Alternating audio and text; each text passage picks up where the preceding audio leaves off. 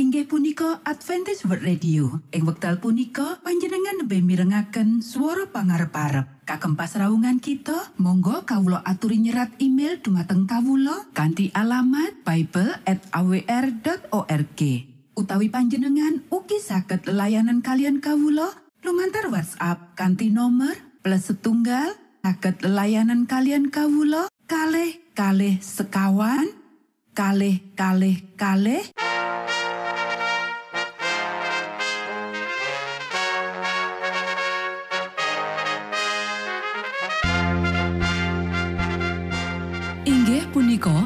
Adventist World Radio ingkang giaran kanthi basa Jawi. Tentrem Rahayu kula aturaken kagem para mitra kinasih ing pundi papan lan panggonan. Sugeng pepanggihan malih kalian Adventist World Radio. Kanti bingahing manah Kulo badhe sesarengan kalian para mitra kinasih lumantar saperangan adicara ingkang sampun rinonci mligi kagem panjenengan sami. Mugi giaran punika saged migunani tuwin dados berkah kagem kita sedaya. Sugeng midhangetaken Gusti amberkahi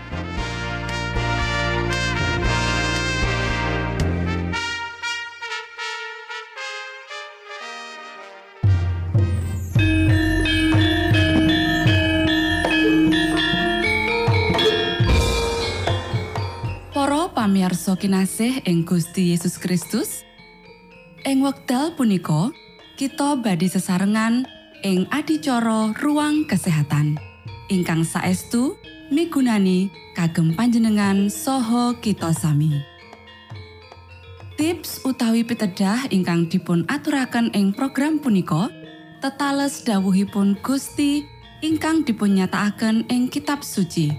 Semanten ugi sakehing seratan ingkang dipun wangsitaken dening Gusti Allah. Nanging saderengipun, monggo kita sami midhangetaken kidung pujian.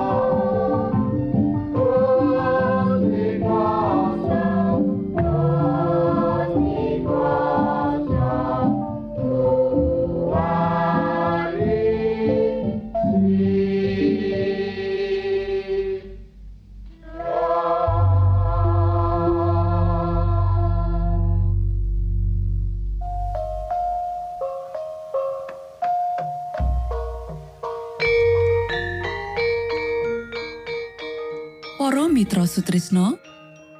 Puji syukur dumateng Gusti ingkang murbeng dumati ingkang sampun kepareng paring wewenngan kagem kita.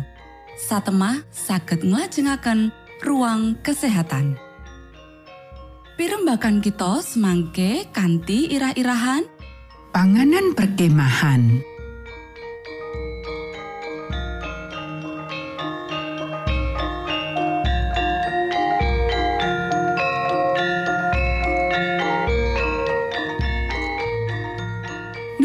dumateng para pamiarsa ingkang dahat kinurmatan sugeng pepanggian malih kalian kula Isti Kurnaidi ing adicara ruang kesehatan ing dinten punika kanthi irah-irahan panganan perkemahan.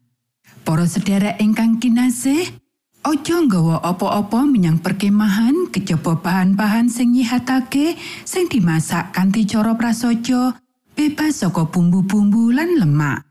Aku rumangsa diyakinake menawa ora wong siji wae loro sakjroning ngenekake persiapan perkemahan, saumpamane dheweke nuruti angger-angger kesehatan sakjroning babagan masak. menawa dheweke ora nyediakake kue-kue mewah nanging gawe roti prasaja lan gumantung marang woh-wohan ing kaleng utawa digaringake mula dheweke ora perlu nandang leloro sakjroning persiapan perkemahan lan dheweke ora loro sakjroning patemon ana sawijining wong melu perkemahan tanpa panganan anget Biasane kompor dicawesake ing papan perkemahan supaya panganan anget bisa digawe. Sedulur ora perlu rasa lara ing perkemahan menawa nganggo sandangan pantes sing ngayomi badan saka kademen esuk lan bengi. Nggawa sandangan sing cocok karo kahanan cuaca supaya peredaran getih tetep lancar.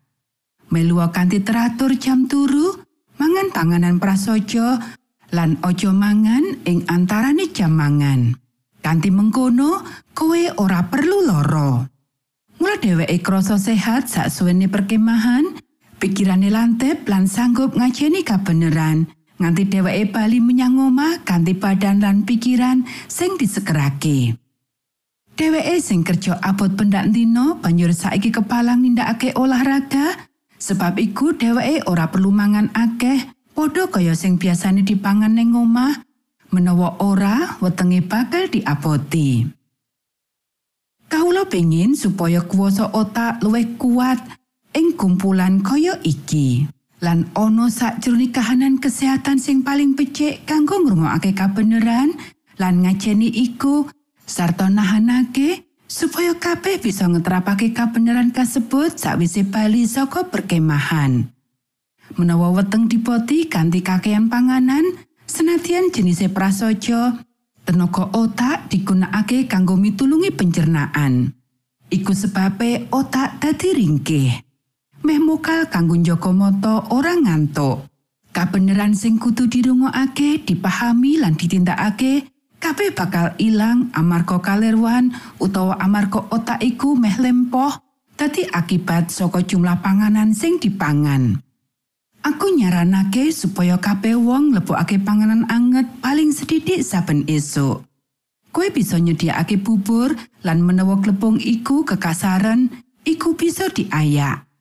Menawa bubur iku panas, tambahno susu menyang jerone. Iki panganan sing paling enak lan nyehatake kanggo perkemahan. Menawa rotimu garing, remuken iku lan lebokno menyang jerone bubur. lan iki bakal bisa dinikmati. Aku ora nyaranake supaya mangan panganan adem. Kanti alasan, menawa tenaga kutu ditokke sakjroning sistem pencernaan kanggo ngangetake panganan nganti suhune padha karo suhu weteng sakturune pakaryan pencernaan diwiwiti. Ono jenis panganan sing prasaja sing nyihatake yaiku kacang-kacangan digodhog utawa dipanggang. marang saperangan tambah ono banyu, susu utawa krim lan adun tenanan. Roti bisa dipangan kaya wektu mangan bubur glepung. Matur nuwun, Gusti amberkahi.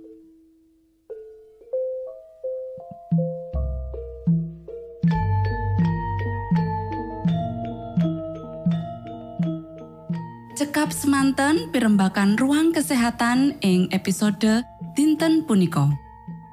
Ugi sampun kuatos jalaran kita badhe pinanggih malih ing episode sak lajengipun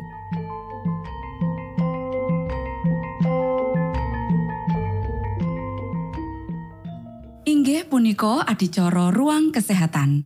Menawi panjenengan gadah pitakenan utawi ngersakaken katrangan ingkang langkung Monggo Kulo aturi. Kinton email dateng alamat ejcawr@ gmail.com utawi lumantar WhatsApp kanti nomor 025 pitu 00 songo songo papat 00 pitu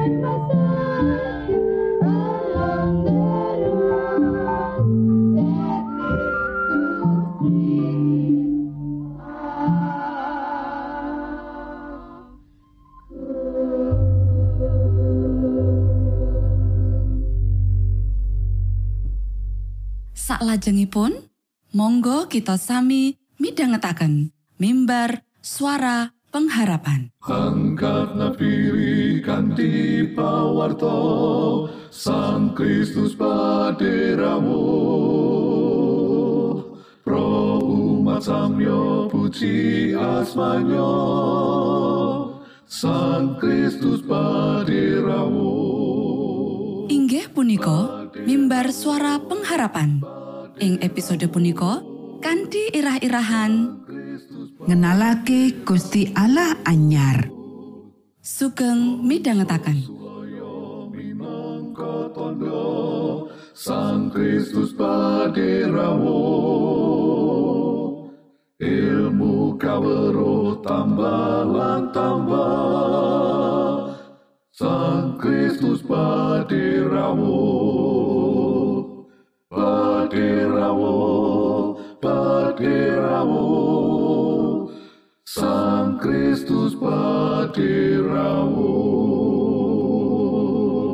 Shalom para pamiarsa ingkang kinasih wonten ing Gusti. Sak menika kita badhe mitangetaken renungan Sabda pangantikanipun Gusti.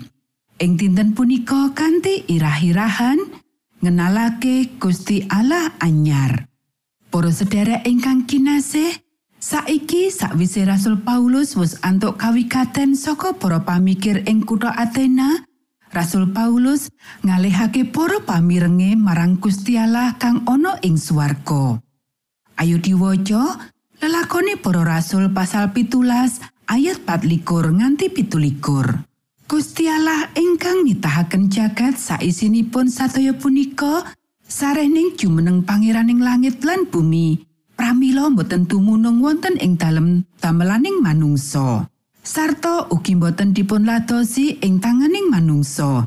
Kados wontena kakiranganipun tumrap punapa-punapa. Amargi inggih panjenenganipun punika ingkang paring gesang saha ambekan sarta samukawis kapetahan dhateng manungsa sedaya. Sedaya bangsa lan sedaya umat kadadosaken dening panjenenganipun saking tiang satunggal. Supados sami ngenggeni jagat punika sadaya punapa dene panjenenganipun sampun namtokaken mangsa-mangsa tuwin wates-watesing pamanggenipun. Punika supados tiang sami matosi panjenenganipun saha mugi-mugi saged kraos tuwin pinanggih kalian panjenenganipun. Sanadyan panjenenganipun punika boten tebih kalian kita piyambak-piyambak. Para sedherek ingkang kinasih, Kanggo para wong-wong kang cukup nduweni peduli kekayutan bab kang asipat karohanen kanthi mangun sawijining mitswah kanggo Allah kang ora dikenal tetembungane Rasul Paulus iki rada jebak tunggal pribadi Allah kang moho ngripta kang ora jumeneng ing kuil lan ora mbutuhake apa-apa saka manungsa ananging kosok wangsule Gusti Allah tansah nyawisi apa kang dibutuhake menungsa. kanggo sawijining budaya kang rumaket karo mitologi Yunani nalika ala-alae ora bisa dikira-kira mentingake diri lan kejem kakasan saka sawijining pribadi Allah kaya dene kang Rasul Paulus gambarake minangka babagan kang apik banget lan para wong ing Areopagus banjur miwiti lumaku tumuju marang Allah kang moho asih kasunyatane Allah kuwi kang ora dikenali nyatane bisa dikenali. Estu panjenengane pengen dikenal. Para sedherek ingkang kinasih, Rasul Paulus mbok menawa ngendikan luwih suwe ing Areopagus dibandingake paparane Lukas sing cekak ing cerita iki.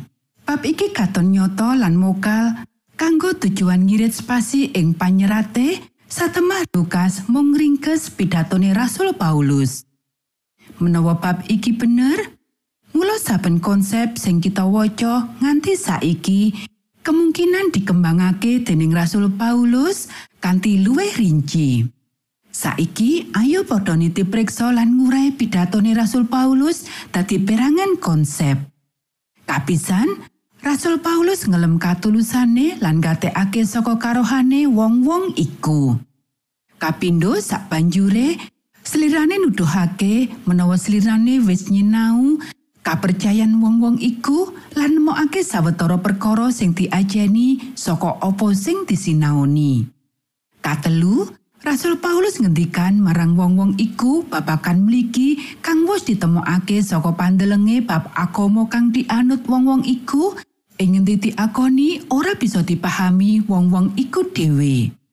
Kang kapapat sause iku Rasul Paulus menehi aspek saka Gusti Allah kang selirane mangerteni dibutuhake banget.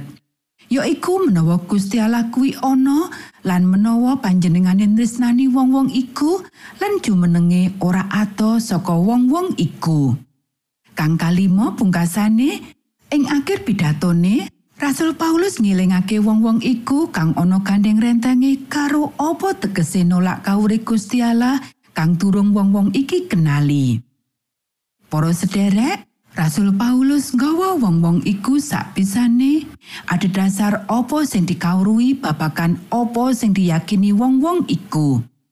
Menawa selirane bisa nggawa wong-wong maut nganti tekan iki, ateges selirane wis maju kanthi apik. Monggo kita sami ndedonga. Duh Rama kawula ingkang wonten ing swarga, asma patuko mugi kasucikaken. Kraton patuko mugi rawuh. Karso patuko mugi kalampahan wonten ing bumi, kados dene wonten ing swarga. Kawula mugi kaparingan rejeki kawula sak cekapipun ing dinten punika. So patuko mugi ngapunten kalepatan kawula kados dene kawula inggih ngapunteni tetiang ingkang kalepatan dhateng kawula. Punapa dene kawula mugi sampun ngantos katantukaken dhateng ing panggoda nanging mugi sami patuko uwalaken saking piawon. Awit dene patuko ingkang kagungan kraton saha wisesa tuen kamulyan salami-laminipun.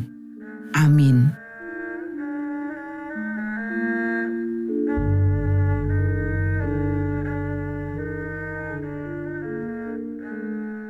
Mitra Sutrisno pamiarsa kinasih ing Gusti Yesus Kristus. Sampun paripurno pasamuan kita ing dinten punika. Menawi panjenengan gadah pitakenan utawi ngersaakan seri pelajaran Alkitab suara nubuatan Monggo Kulo aturi kinton email dateng alamat ejcawr gmail.com utawi lumantar WhatsApp kanti nomor 025 pitu 00 songo songo papat 00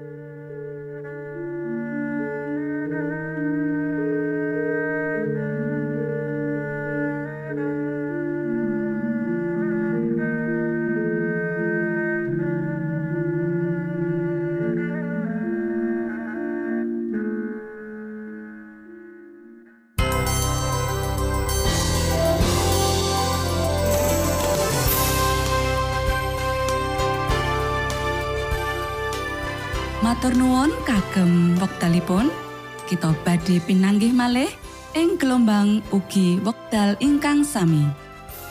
Saking studio kula ngaturaken tentrem rahayu. Gusti amberkahi kita sedaya. Maranata.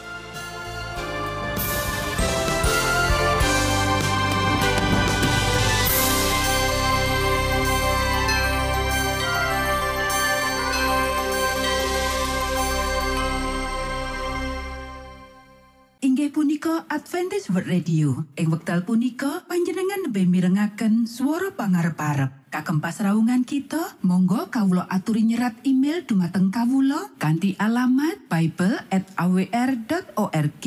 Utawi panjenengan ugi saged layanan kalian kawula lumantar WhatsApp kanthi nomor plus setunggal saged layanan kalian kawula kalih kalih sekawan kalih kalih kalih